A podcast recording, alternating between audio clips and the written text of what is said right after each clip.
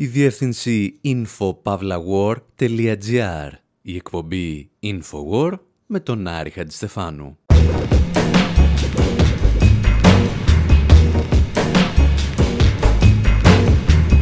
όπου σήμερα το Infowar σας παρουσιάζει κατά αποκλειστικότητα το πρώτο μέρος μιας μεγάλης συνέντευξης του Νόαμ Τσόμσκι που πήρε ο Νικόλαος Γρυσπολάκης. Αναρωτιόμαστε εάν ο Βολτέρος ήταν ο πρώτος διανοούμενος της ιστορίας ή ένας χιδαίος αυλοκόλακας της Μεγάλης Εκατερίνης. Και ρωτάμε γι' αυτό τον Εμίλ Ζολά.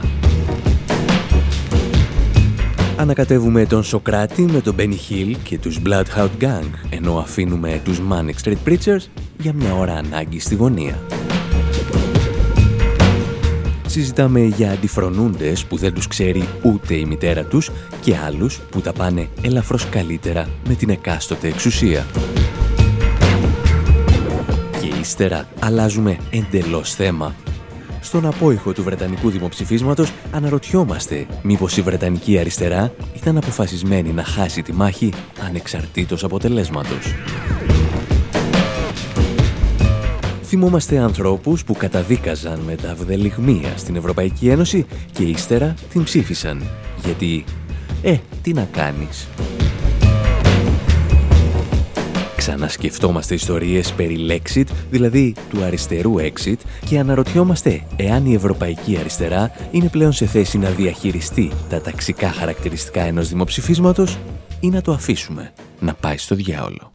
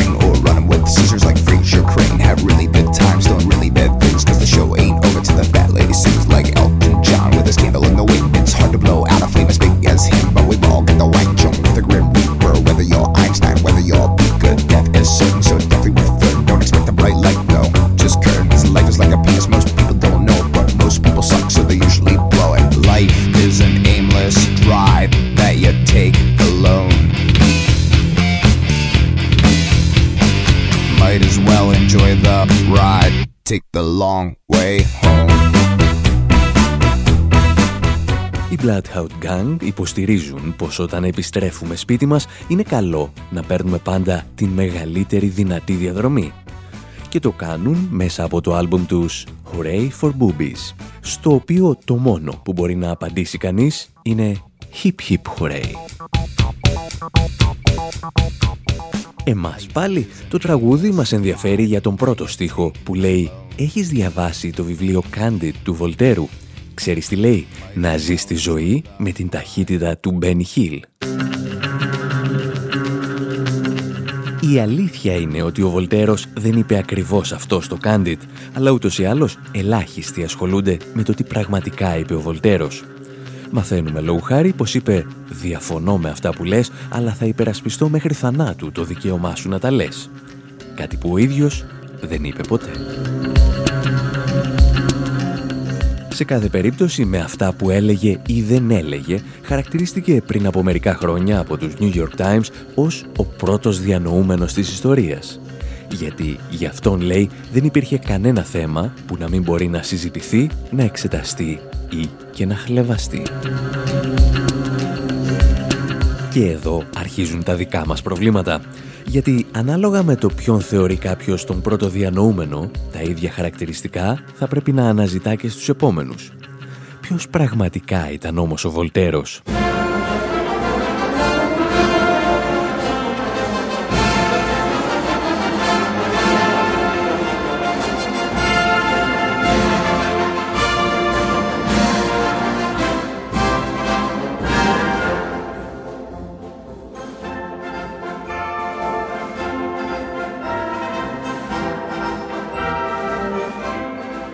Τον δούμε μέσα από την κριτική που ασκούσε στο πολιτικό, οικονομικό και κυρίως το θρησκευτικό κατεστημένο της χώρας του, ο διανοούμενος είναι ένας πραγματικός επαναστάτης που συγκρούεται με την εκάστοτε εξουσία.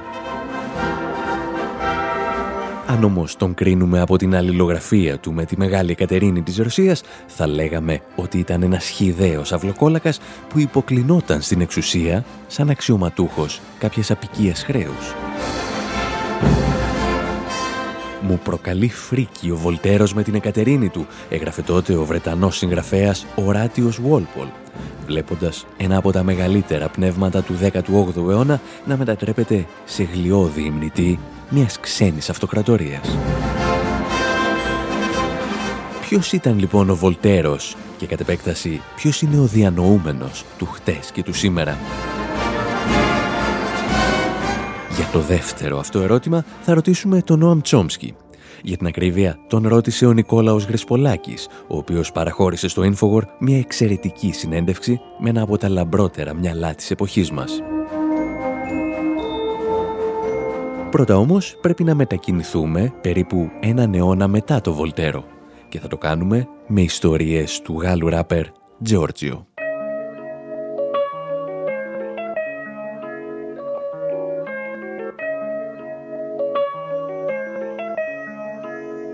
Traîner avec des gens sans opinion, ça flatte l'orgueil. Un regard, une critique, et tu deviens vite ce schlag qui parle tout seul, dessine le monde petit.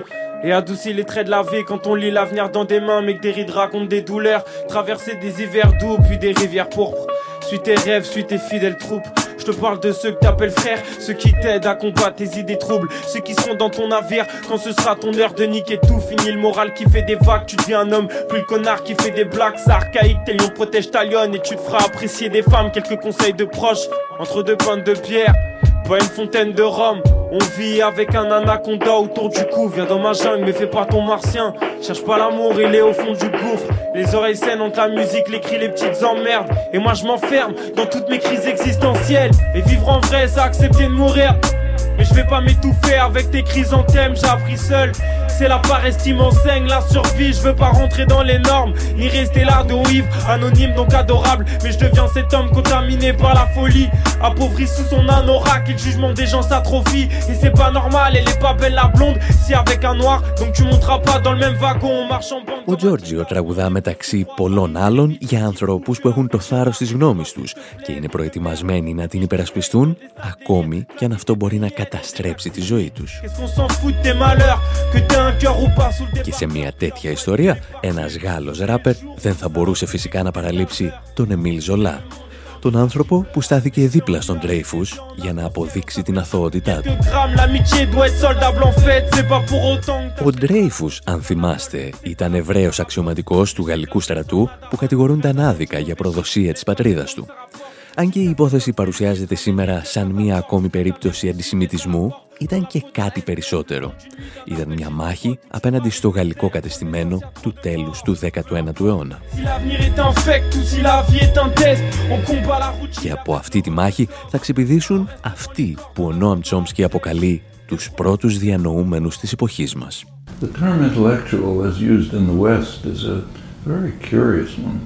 It actually comes Ο όρος διανοούμενο χρησιμοποιείται στη Δύση σαν κάτι πολύ περίεργο. Ο όρος ξεκινά να χρησιμοποιείται από τη δίκη του Ντρέιφους. Πρωτήτερα δεν το συναντάς με αυτό το νόημα. Αν δείτε τη δίκη του Ντρέιφους, υπήρχε μια ομάδα επικριτών όπως ο Ζολά και άλλοι, τους οποίους σήμερα θα αποκαλούσαμε αντιφρονούντες διανοούμενου. Από την άλλη υπήρχαν οι αποδεκτοί διανοούμενοι, οι αθάνατοι της Γαλλικής Ακαδημίας. Είχαν τους τυπικούς ρόλους. Οι επικριτές αποκηρύθηκαν και καταδικάστηκαν. Ο Ζολά χρειάστηκε να εξοριστεί. Οι αθάνατοι της Ακαδημίας τους καταδίκασαν για αυτά που τόλμησαν να κάνουν. Ποιος είναι αυτός ο συγγραφέας, έλεγαν, που δεν γνωρίζει τίποτα; Πώς τολμά να καταδικάζει την αυτού μεγαλειώτης και το γαλλικό κράτος;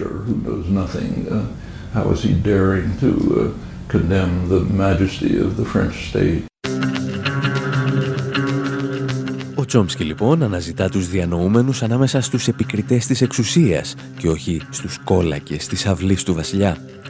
Τέτοιοι άνθρωποι όμως, υποστηρίζει, υπήρχαν ανέκαθεν, από τότε που υπήρχε μια εξουσία για να αμφισβητήσεις. Uh, the term came to be used at that time, but uh, the tradition goes way back. Ο όρο χρησιμοποιήθηκε λοιπόν τότε, αλλά υπάρχει μια μακρά παράδοση. Ανατρέξτε για παράδειγμα στην αρχαία Ελλάδα. Ποιος ήπια το κόνιο, αυτός που διήφθηρε τους νέους των Αθηνών, κάνοντας πολλές ερωτήσεις. Δείτε τις βιβλικές ιστορίες, τα λαϊκά παραμύθια. Υπήρχαν άνθρωποι που ασκούσαν κριτική, έκαναν γεωπολιτικές αναλύσεις, καταδίκαζαν τα εγκλήματα του βασιλιά και ζητούσαν να δείξουν έλεος στα γυναικόπαιδα. Δεν είχαν τότε τον όρο διανοούμενοι. Τους περιέγραφαν με έναν περίεργο όρο. Προφήτες. Ξέρετε τι συνέβαινε σε αυτούς; Φυλακίζονταν, εξορίζονταν στην έρημο, αποδοκιμάζονταν. Από την άλλη μεριά υπήρχαν οι κόλακε τη αυλή, τους οποίους αργότερα αποκάλεσαν ψευδοπροφήτε. Και αυτοί απολάμβαναν το σεβασμό. later called false prophets, who were the respected ones. Just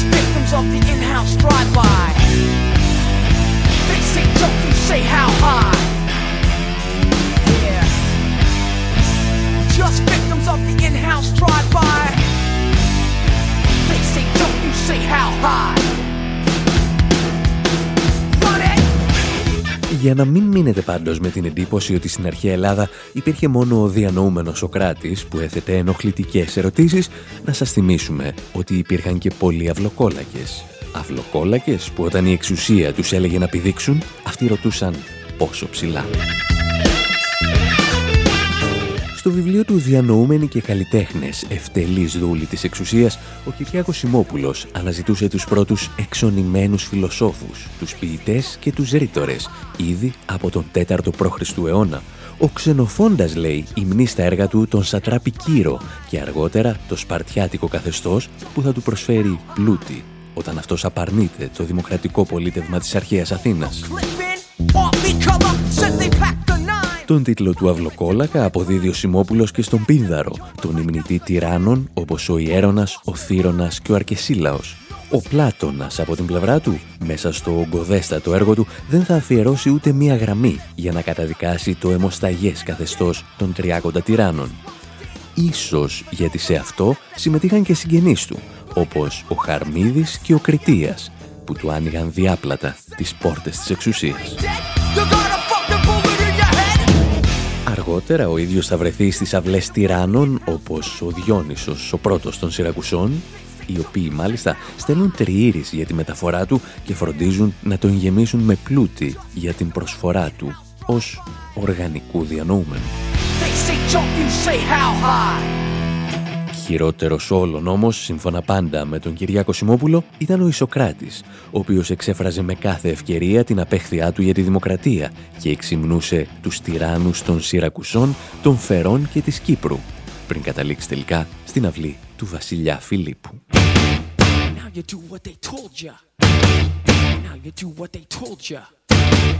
now you do what they told ya. And now you do what they told ya. And now you do what they told ya. And now you do what they told ya. And now you do what they told ya. And now you do what they told ya. And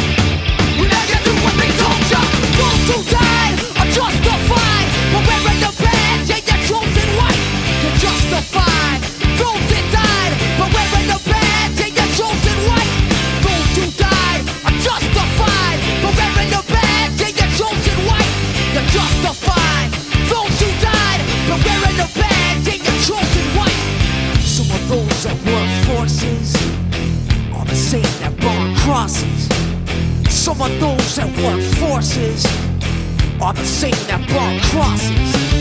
Some of those that work forces are the same that brought crosses. Some of those that work forces are the same that brought crosses.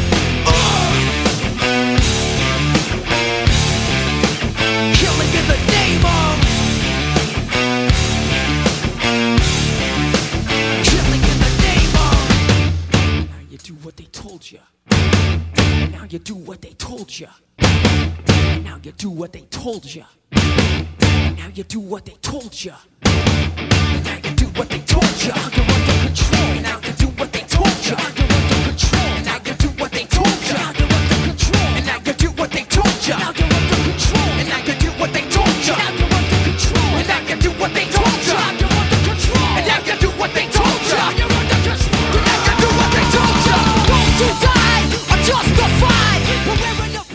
the... Κι αν σπεύσετε να πείτε τι να κάνεις, εκείνη την εποχή έπρεπε να είσαι στην αυλή κάποιου ηγεμόνα για να επιβιώσεις, σκεφτείτε αυτούς που σήμερα λένε τι να κάνεις, πρέπει να είσαι στην Ευρωζώνη ή την Ευρωπαϊκή Ένωση για να επιβιώσεις. Σε αυτές τις περιπτώσεις να θυμάστε τον ανυπότακτο Ευρυπίδη που έλεγε ότι χειρότερο από τον τύρανο δεν υπάρχει στην πόλη ή το Μένανδρο που υποστήριζε ότι είναι τρισάθλοι όσοι ζητούν να είναι τον άλλον τύρανοι ή τέλος τον Έσωπο που παρομοίαζε τους τυράννους με τα γουρούνια. Ακόμη και έτσι όμως τα πράγματα δεν είναι τόσο απλά θα μας πει ο Νόαμ Τσόμσκι γιατί σε ορισμένες περιπτώσεις θέλουμε να βλέπουμε αντιφρονούντες διανοούμενους μόνο όταν βρίσκονται μακριά μας και καταδικάζουν τους εχθρούς μας. Αυτά όμως, αφού αφήσουμε τους Rage Against the Machine να ολοκληρώσουν τη σκέψη τους.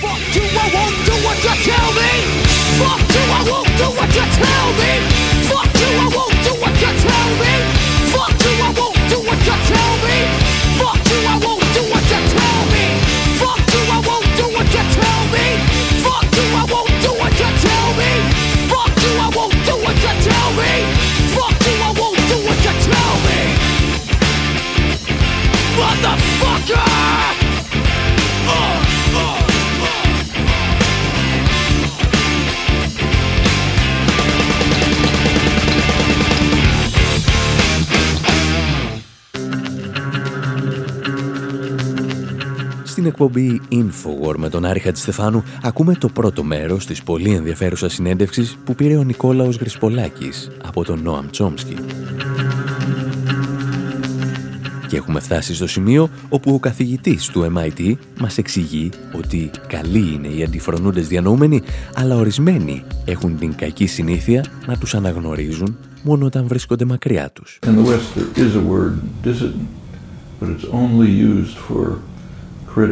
Στη Δύση υπάρχει ο όρος αντιφρονών, αλλά χρησιμοποιείται μόνο για όσους επικρίνουν εχθρικές χώρες.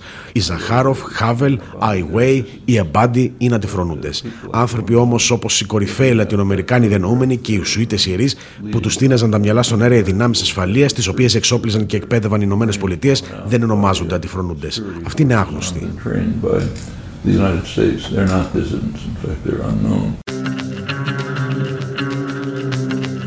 Οι επιλογές που ανοίγονται μπροστά σε έναν διανοούμενο, όπως και σε κάθε άνθρωπο που θέλει απλώς να σκέπτεται, είναι λοιπόν πάντα οι εξής δύο. Ή με την εξουσία ή απέναντί της. Τέρμα πια στις αυταπάτες ή με τους Ρωμαίους ή με τους Γαλάτες.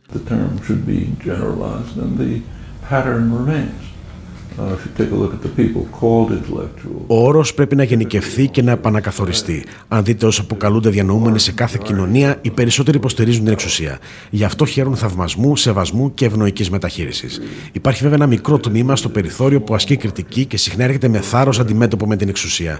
Είναι άνθρωποι που γράφουν και μιλούν ανοιχτά και με τον έναν ή τον άλλο τρόπο περιθωριοποιούνται. Το πώς και το πότε εξαρτώνται από τη φύση της κοινωνίας. Αν είναι Αμερικανική επαικία σαν το Εσαλβαδόρ, τους εκτελούν. Στην Ανατολική Ευρώπη Ευρώπη θα φυλακιστούν. Στη Δυτική Ευρώπη και στη ΣΥΠΑ περιθωριοποιούνται και καταδικάζονται.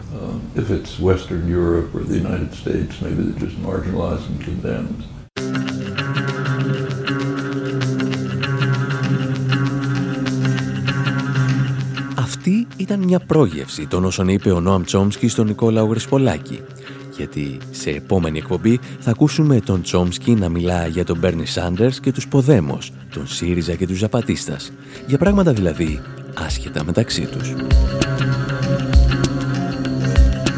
Αντί επιλόγου όμως, αφήσαμε την πρώτη απάντηση που έδωσε ο Νόαμ Τσόμσκι. Ο Νικόλαος Γρυσπολάκης τον ρώτησε «Εσείς πώς αντέχετε να είστε ακόμη ενθουσιώδης και ευθύς» και αυτός απάντησε Things are getting better, which τα πράγματα καλυτερεύουν, γεγονός που σημαίνει ότι αν ασχοληθείς μπορείς να συμβάλλεις στη βελτίωσή τους. Τα πράγματα όμως μπορεί και να χειροτερεύουν, και αυτό σημαίνει ότι έχεις πολλά ακόμα να κάνεις. Δεν βρίσκω άλλο βαθύτερο κίνητρο.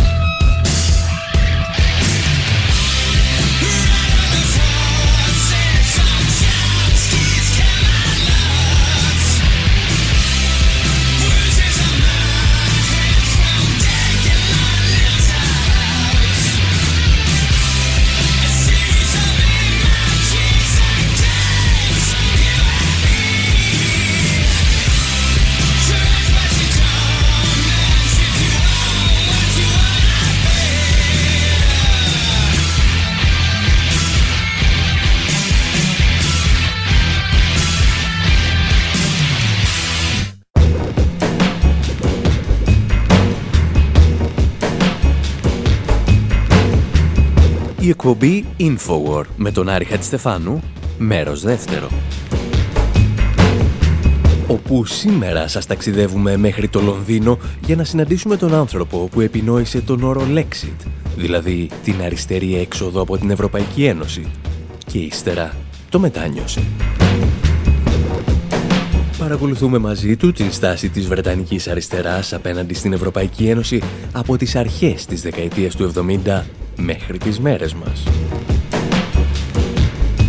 Μας διηγείται ιστορίες για την μαμά του, τον Τόνι Μπεν και τη Μάργαρετ Θάτσερ και όχι υποχρεωτικά με αυτή τη σειρά. Στις 14 Ιουλίου του 2015, ενώ ο υπόλοιπος πλανήτης άκουγε για έξοδο μόνο σε τραγούδια του Bob Marley, η Ελλάδα έγλυφε ακόμη τις πληγές της από την διαπραγμάτευση με τους Ευρωπαίους εταίρους μας. Αυτό που κάποιοι χαρακτήρισαν μία όχι και τόσο φοβερή συμφωνία, ενώ κάποιοι άλλοι, όπως ο Τάρικαλή, το περιέγραψαν με τις λέξεις «ανεφόρον παράδοση».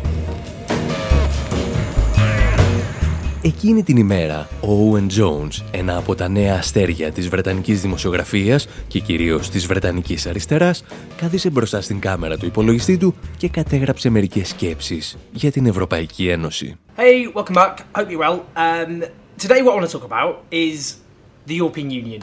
And this is a biggie. Should the left start arguing to get out the whole thing?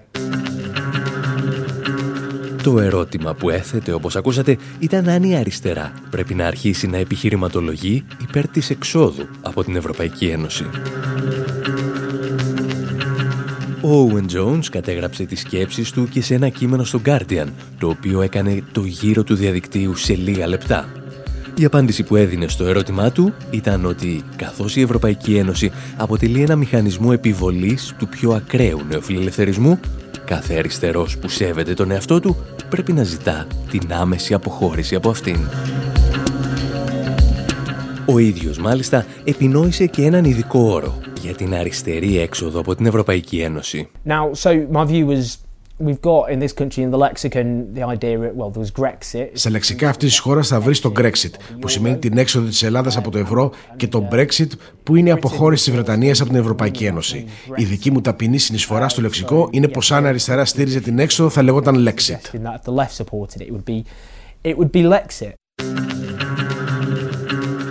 Όπως καταλαβαίνετε, η ιδέα του Lexit μας άρεσε και σκεφτήκαμε ότι θα πρέπει να πάρουμε ένα αεροπλάνο και να τα συζητήσουμε μαζί του από κοντά. Το πρόβλημα ήταν ότι μέχρι να κλείσουμε μια ημερομηνία συνάντησης που να βόλευε και τους δύο και μέχρι να αγοράσουμε και τα ειστήρια, ο Owen Jones είχε αλλάξει γνώμη. Πλέον εκτελούσε και χρέη συμβούλου του Τζέρεμι Κόρμπιν, του ηγέτη των εργατικών, και μαζί αποφάσισαν ότι η Βρετανία πρέπει να πει όχι στο δημοψήφισμα για το Brexit. Επειδή όμως τα εισιτήρια τα είχαμε κλείσει και πολύ περισσότερο επειδή κάθε συζήτηση με τον Owen Jones είναι πάντα συναρπαστική, αποφασίσαμε να μην ακυρώσουμε το ραντεβού. Για την ακρίβεια, αποφασίσαμε τότε να τον συμπεριλάβουμε και στο νέο μας ντοκιμαντέρ, το This is not a coup, το οποίο πολλοί από εσάς έχετε στηρίξει οικονομικά και σας ευχαριστούμε πολύ γι' αυτό. Το τι τελικά συζητήσαμε με τον στενό συνεργάτη του Κόρμπιν θα σας το πούμε σε λιγάκι.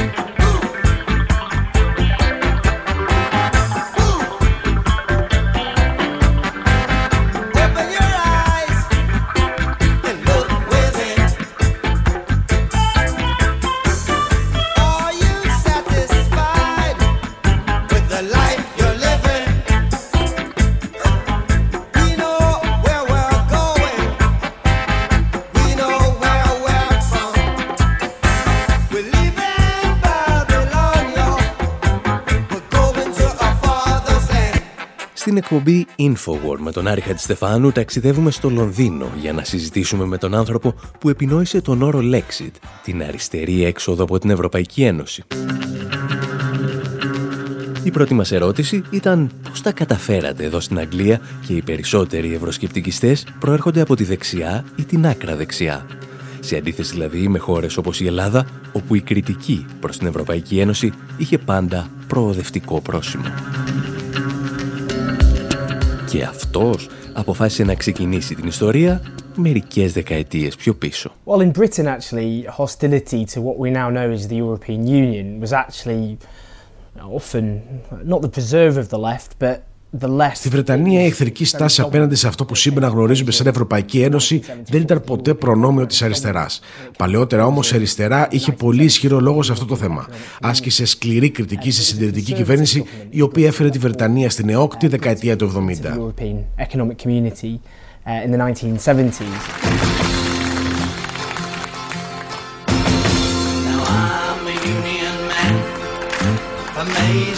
I say what I think that the company stinks. Yes, I'm a union man.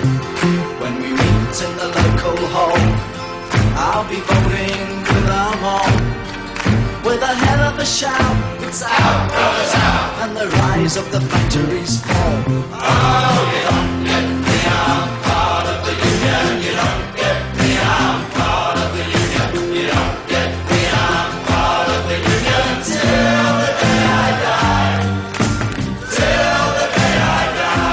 Όταν συζητάμε για τη Βρετανική αριστερά της δεκαετίας του 70, συζητάμε για μια αριστερά που ζει τις τελευταίες ημέρες της δόξας της.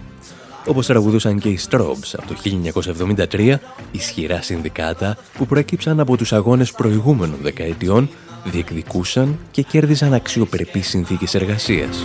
If I strike for higher. Οι εργατικοί όμως θα έρθουν στην εξουσία το 1974 και όπως συμβαίνει σε αρκετές παρόμοιες περιπτώσεις, το κόμμα διχάζεται ανάμεσα στη δεξιά και την αριστερή του πτέρυγα. When Labour came to power in 1974, they pledged a referendum on the issue, but Labour was so divided at the time. Όταν οι εργατικοί ήρθαν στην εξουσία το 1974, υποσχέθηκαν τη διεξαγωγή δημοψηφίσματος για το θέμα. Το κόμμα όμως ήταν τόσο διχασμένο εκείνη την εποχή, ώστε τελικά αποφασίστηκε πως κάθε υπουργός θα έπρεπε να αποφασίσει μόνος του ποια στάση θα κρατήσει. Είχαμε λοιπόν τον Τόνι Μπεν ως επικεφαλής της αριστερής πτέρυγα στο Υπουργικό Συμβούλιο, ο οποίος υποστήριζε την έξοδο από την ευρωπαϊκή κοινότητα. Όσοι βρίσκονταν όμως στα δεξιά των εργατικών, υποστήριζαν την παραμονή. Θυμάμαι τους γονείς μου που διαδήλωναν τότε για έξοδο από την ευρωπαϊκή κοινότητα.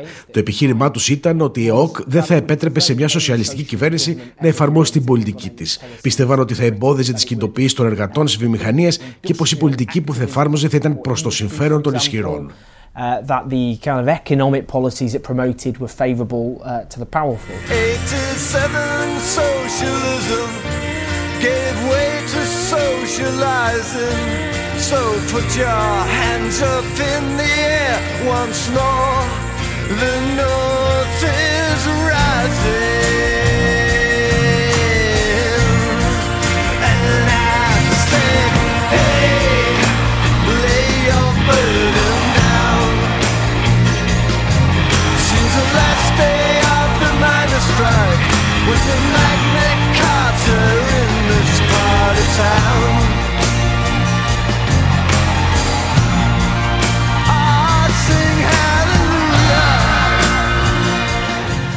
Αυτά λοιπόν ίσχυαν τη δεκαετία του 70. Όπως μας εξηγούν όμως εδώ και οι Pulp, τη δεκαετία του 80, socialism gave way to socializing. Ο σοσιαλισμός έδωσε τη θέση του στις κοινωνικές επαφές ή αν προτιμάτε στις δημόσιες σχέσεις. The change in the 1980s came because Britain was uh, under the sway of Thatcherism. Από τη δεκαετία του 80 σημειώθηκε μια αλλαγή. Πιστεύω ότι αυτή οφείλεται στην κυριαρχία του θατσερισμού και στον πεσημισμό που επικράτησε στην αριστερά. Πολλοί έβλεπαν να χάνουν τα κοινωνικά και οικονομικά δικαιώματα που είχαν κερδίσει με τους αγώνες και πίστευαν ότι ο μόνος τρόπος για να τα προστατεύσουν περνούσε από τις And there Βρυξέλλε. was a sense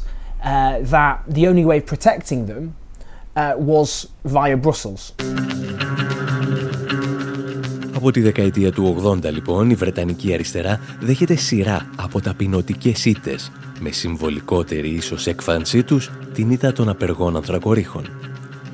ανίκανη να αντιπροτείνει μια νέα αφήγηση που θα συγκινήσει τον κόσμο, αυτή η αριστερά αναζητά οποιαδήποτε σανίδα σωτηρίας. Μόνο που αντί να πιάσει κανένα σωσίβιο, γραπώνεται από την Άγκυρα. Την Άγκυρα της Ευρωπαϊκής Ένωσης. Αυτή όμως ήταν η πορεία της Βρετανικής αριστεράς που ξεκίνησε από τον ευρωσκεπτικισμό για να φτάσει ίσως στην Ευρωδουλία. Την ίδια στιγμή όμως ένα μεγάλο τμήμα της Βρετανικής δεξιάς ακολουθούσε την αντίθετη πορεία. Θα τα συζητήσουμε και αυτά με τον Owen Jones ύστερα από ένα ακόμη μικρό διάλειμμα.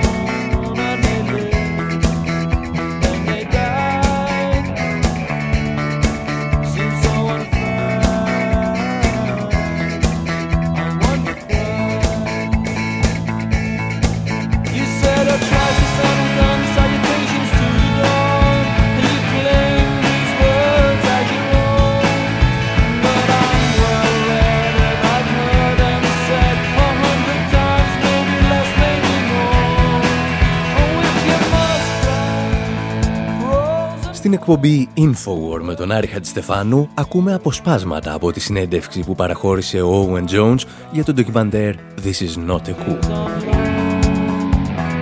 Είχαμε μείνει στο σημείο όπου η Βρετανική αριστερά, η τιμένη από τη Θάτσερ, θεωρεί ότι ακόμη και η Ευρωπαϊκή Ένωση είναι καλύτερη από ό,τι της έλαχε να την κυβερνά στο εσωτερικό. Αντιθέτως, μεγάλο τμήμα της Βρετανικής δεξιάς περνούσε από την ευρωλατρεία στον ευρωσκεπτικισμό. Margaret Thatcher um, initially was very supportive of the uh, of the uh, forerunner to the European Union, the European Αρχικά η Economic Μάγκαρετ Union, Θάτσερ while most υποστήριζε με θέρμη την είσοδο στο προκάτοχο σχήμα της Ευρωπαϊκής Ένωσης, όπως έκαναν και οι περισσότεροι συντηρητικοί εκείνη την εποχή. Ενώ όμως στήριξε την εκστρατεία εισόδου στη δεκαετία του 70, από τη δεκαετία του 80 άλλαξε άποψη. Λίγο αργότερα ήρθε και η αποκαθήλωσή της κυρίως λόγω του περίφημου Poll Tax. Πρόκειται για ένα φόρο που ανάγκαζε όλους τους πολίτες να πληρώνουν το ίδιο ανεξαρτήτως του εισοδήματός τους. Η κατάσταση αυτή και η αποχώρηση της Θάτσερ προκάλεσε σχίσμα στο εσωτερικό των συντηρητικών Λοιπόν, και οι οπαδοί της Θάτσερ άρχισαν να κινούνται προς τον ευρωσκεπτικισμό.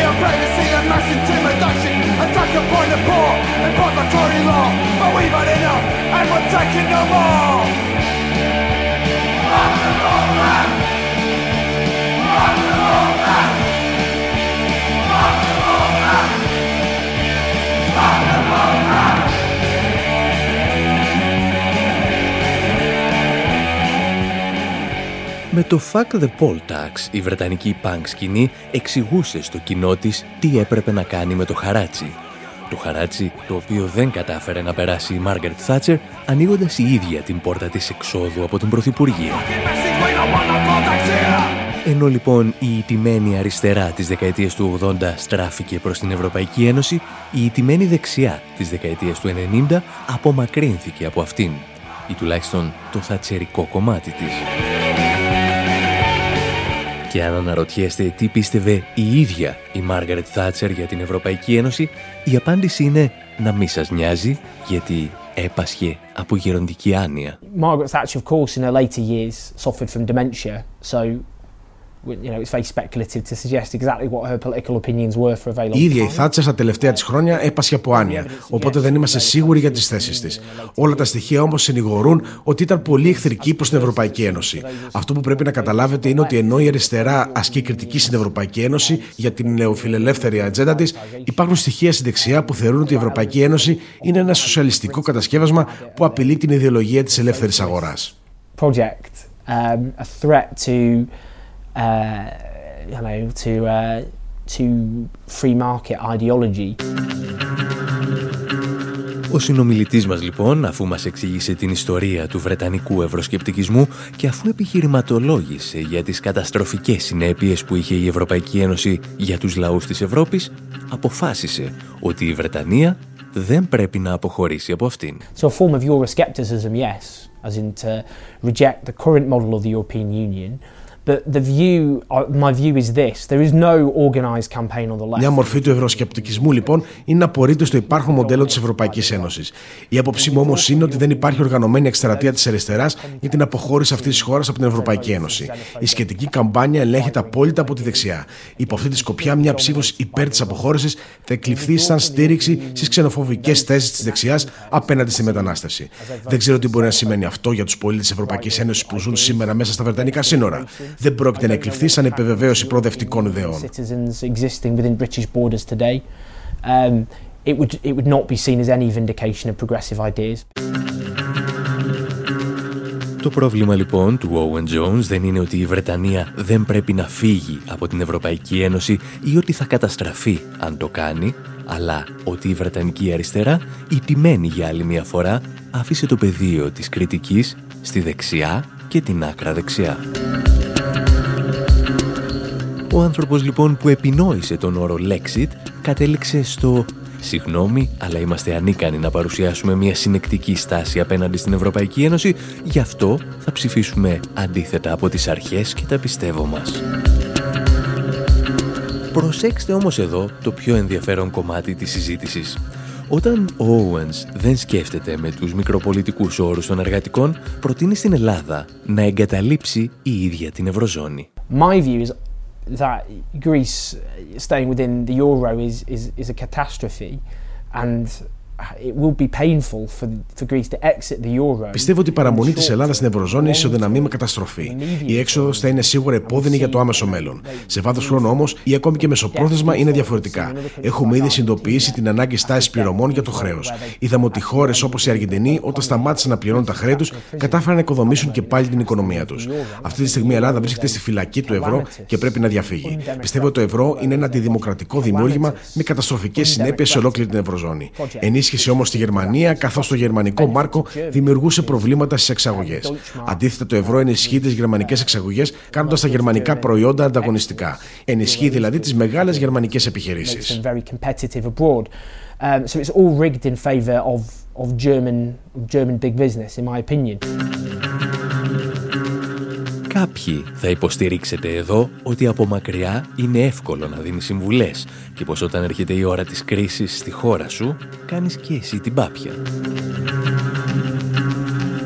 Εμείς πάλι, ως πνεύμα αντιλογίας, θα πούμε ότι από μακριά ενδέχεται να έχεις πολύ καλύτερη εικόνα της πραγματικότητας, γιατί δεν επηρεάζεσαι ούτε από τα παιχνίδια προπαγάνδας, ούτε από τις μικροπολιτικές τρικλοποδιές. Αλλά σε αυτά τα πράγματα ο καθένας μάλλον έχει την άποψή του. Ιστορίες σαν και αυτές λοιπόν μας διηγούνταν ο Owen Jones πριν από το δημοψήφισμα για το Brexit και κατά την άποψή μας αποδείκνυε ότι οι εργατικοί θα έχαναν πολιτικά αυτή τη μάχη όποιο και αν ήταν το αποτέλεσμα της κάλπης.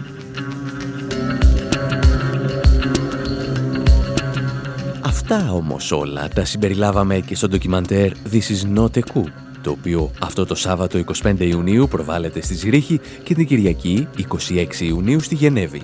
Και αν θέλετε περισσότερες πληροφορίες για τις προβολές, θα τις βρείτε στη διεύθυνση thisisnotacoup.com